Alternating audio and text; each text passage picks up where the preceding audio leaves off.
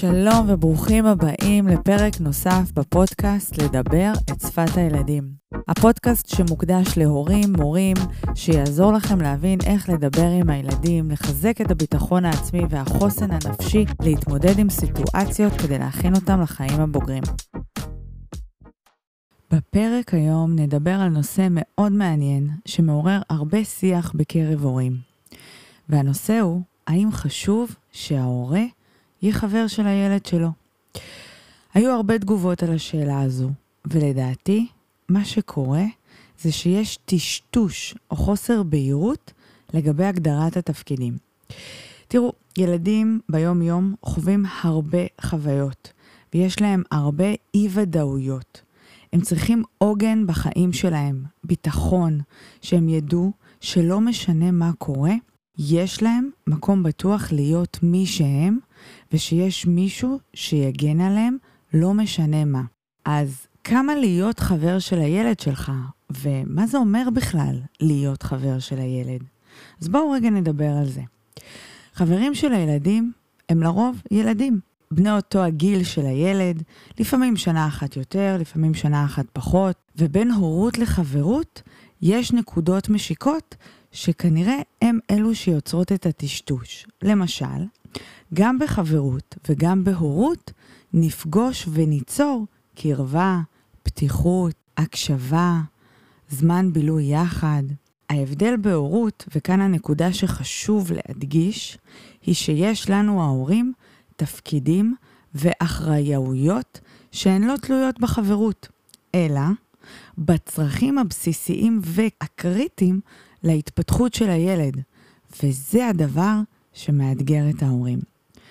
תפקיד ההורה, בשונה מהחבר, הוא לדאוג לצרכים הבסיסיים של הילד. שיהיה לו אוכל וחינוך ובריאות, לקחת אותו לרופא, לוודא שהוא אוכל ושותה, שיהיה לו קורת גג, שהוא ישן טוב בלילה, ולהגיד לא, לא, לשים גבולות. הרבה פעמים העימותים עם הילד יוצרים התנגדות מצידו, ובשונה מחברות, הילד לא יכול להתנתק מכם. הוא לא יכול לבוא ולהגיד, לא בא לי להיות חבר שלך.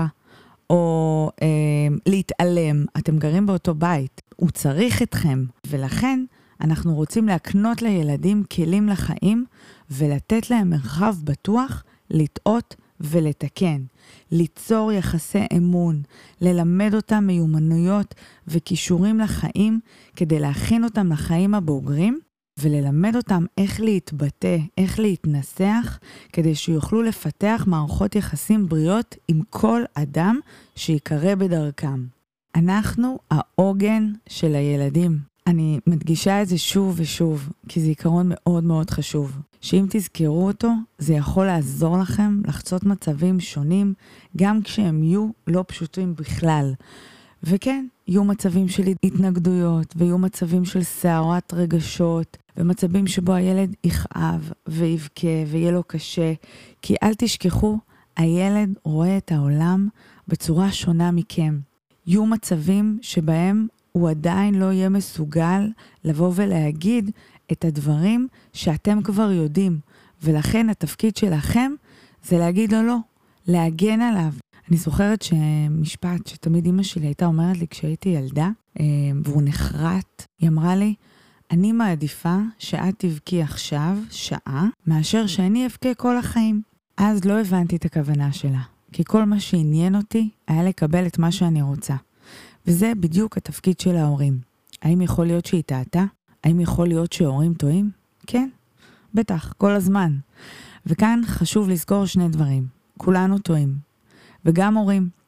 הדבר השני הוא שהורים עושים את הכי טוב שלהם לפי מה שהם יודעים ומבינים. אז הורות וחברות, איפה הגבול ואיפה הבלבול? הבלבול שנוצר הוא בגבולות. הרבה הורים רוצים שהילד שלהם יאהב אותם, שיהיה להם שקט. תפקיד ההורה הוא גם להגיד לא, להתנגד ולסרב לדברים שהילד מבקש, מבלי לפחד שהילד לא יאהב אותו או יעשה לו ברוגז ומניפולציות רגשיות. בסופו של דבר, תפקיד ההורה לעשות מה שטוב לילד. גם אם זה לא מוצא חן בעיניו. לפעמים, כדי להימנע מתגובות של הילד, כמו בכי, צעקות וכעס, ההורים מוותרים או נמנעים, כי הם פוחדים שאם הם יגידו לו לא, זה יביא לעימותים, צעקות וריבים, ובהרבה מקרים אין להם כוח לזה. אני פה לעודד אתכם לחצות את זה. הדבר הזה הוא טבעי. תחשבו עליכם בתור ילדים ועל התגובות שלכם כלפי הגבולות שההורים שלכם הציבו בפניכם, ואיך אתם תפסתם את מה שחוויתם בחייכם הבוגרים. ואני אשתף אתכם אה, דוגמה מהחיים שלי כשהייתי ילדה. כשהייתי בחטיבה, הייתי יוצאת uh, בימי שישי. והייתי חייבת לחזור עד 11 בלילה. זה היה שעת העוצר. אני מחזירה אתכם לתקופה של אז, שנות ה-90, לא היו פלאפונים. הייתי חייבת להגיד לאימא שלי לאן אני הולכת, ושם אני נמצאת. אם אני מחליפה מקום, אני חייבת לעדכן אותה. עכשיו בואו, איך אני אעדכן אותה? אין לי פלאפון. אז ההחלטה שקיבלתי באותו רגע הייתה, אני לא מחליפה מקום, נשארת בדיוק איפה שאני, ומגיעה ב-11 בלילה הביתה, כי לא הייתי מוכנה לשלם את המחיר של לא לצאת יותר. הגבולות שאתם שמים לילדים שלכם יניבו פירות בשלבים מאוחרים יותר, גם אם אתם לא רואים קבלה מיידית עכשיו. יש לזה השפעה על הטווח הארוך.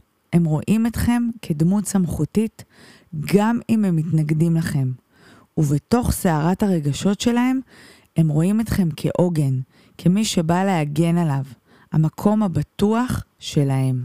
אז איך עושים את זה? מתאמנים. על מה מתאמנים? על להציב גבולות, להתעמת מול הילד, ולא להיכנע לסערה הרגשית או המניפולציות שהם עושים. לטווח הרחוק, מבטיחה שזה ישתלם לכם. בהקשר הזה, אני רוצה לשתף אתכם בסיפור מקרה שהיה לי. אימא שפנתה אליי לעזרה, אה, בעקבות שני הילדים שלה, בני חמש ושמונה, שהלכו לישון בחצות, אחת בלילה, והיא לא ידעה מה לעשות. בכל פעם שהגיע זמן השינה, הילדים היו עושים לה מניפולציות, והיא לא ידעה איך להתמודד, והיא נכנעה. ואז בבוקר, שצריך לקום לגן ולבית ספר, מלחמה. מהר מהר להספיק, להכין את הסנדוויץ' כריך, לסדר תיק, להתלבש, להתארגן, ותמיד היום היה מתחיל בעצבים.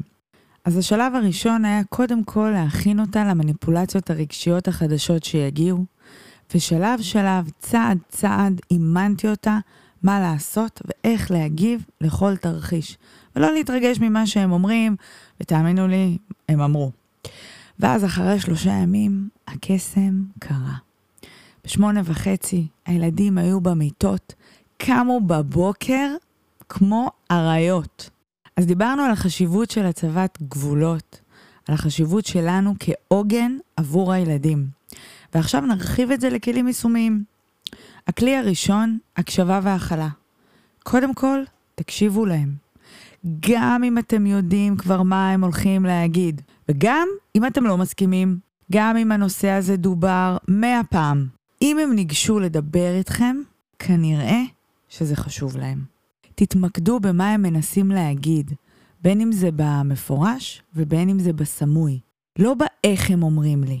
תורידו את הביקורתיות, זה אחד הדברים שיותר מעצבנים אנשים, הביקורת. אני לא אומרת לא לתת אותה, אלא לתת אותה בדרך הנכונה.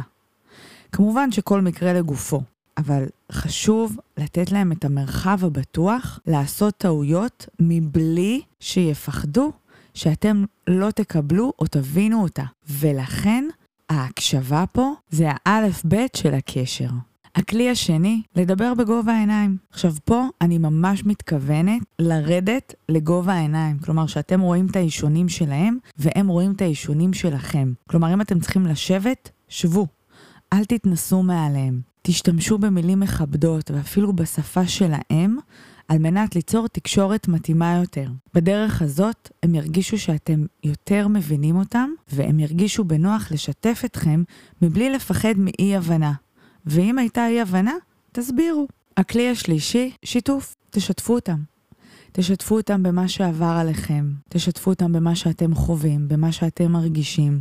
כמובן, עם התאמה לגיל. שימו לב שאתם לא חופרים. לדוגמה, אם הייתה לכם דילמה בעבודה, אם היה איזשהו אירוע, תשאלו אותם. תשאלו אותם מה הם היו עושים אם הם היו במקומכם, או מה הם חושבים על מה שאתם עשיתם. שימו לב למילים שלכם, כדי שהם לא יפרשו את המצב בצורה שעלולה לפגוע בהם, או בצורה שהם אה, עלולים לחשוב מחשבות שרחוקות מהמציאות. אז דיברנו על הורות וחברות, על הקשבה ושיתוף פעולה, על הצרכים הרגשיים שלהם בתהליך שלהם ועל החוויות שלנו כהורים. דיברנו על כלים מעשיים, איך לגשת, על הדגישים החשובים, והכי חשוב, זכרו שזה אימון לכל דבר, ואתם העוגן שלהם. אל תתייאשו שקורה בלאגן, אל תתייאשו שיש חוסר הסכמה, ואל תפחדו מההתנגדויות של הילדים. זכרו שאנחנו פה כדי ליצור להם מרחב בטוח ללמוד, להתפתח, לטעות ולתקן. וגם לכם מגיע שמישהו ירגיע אתכם בתהליך, ואני פה בשבילכם. אם יש לכם שאלות או דילמות שאתם רוצים להתייעץ איתי, אני מזמינה אתכם לשלוח לי שאלות באינסטגרם או בפייסבוק. חפשו אותי באינסטגרם, רויטל ויבי, או בפייסבוק, רויטל וילמובסקי, באנגלית או בעברית, או ביוטיוב, רויטל וילמובסקי, עת ללמוד. את השאלות שאני שואלת תוכלו למצוא בפרופיל שלי בפייסבוק, ואני אשמח לשמוע מכם. אנחנו נתראה בפרק הבא. תודה שהאזנתם.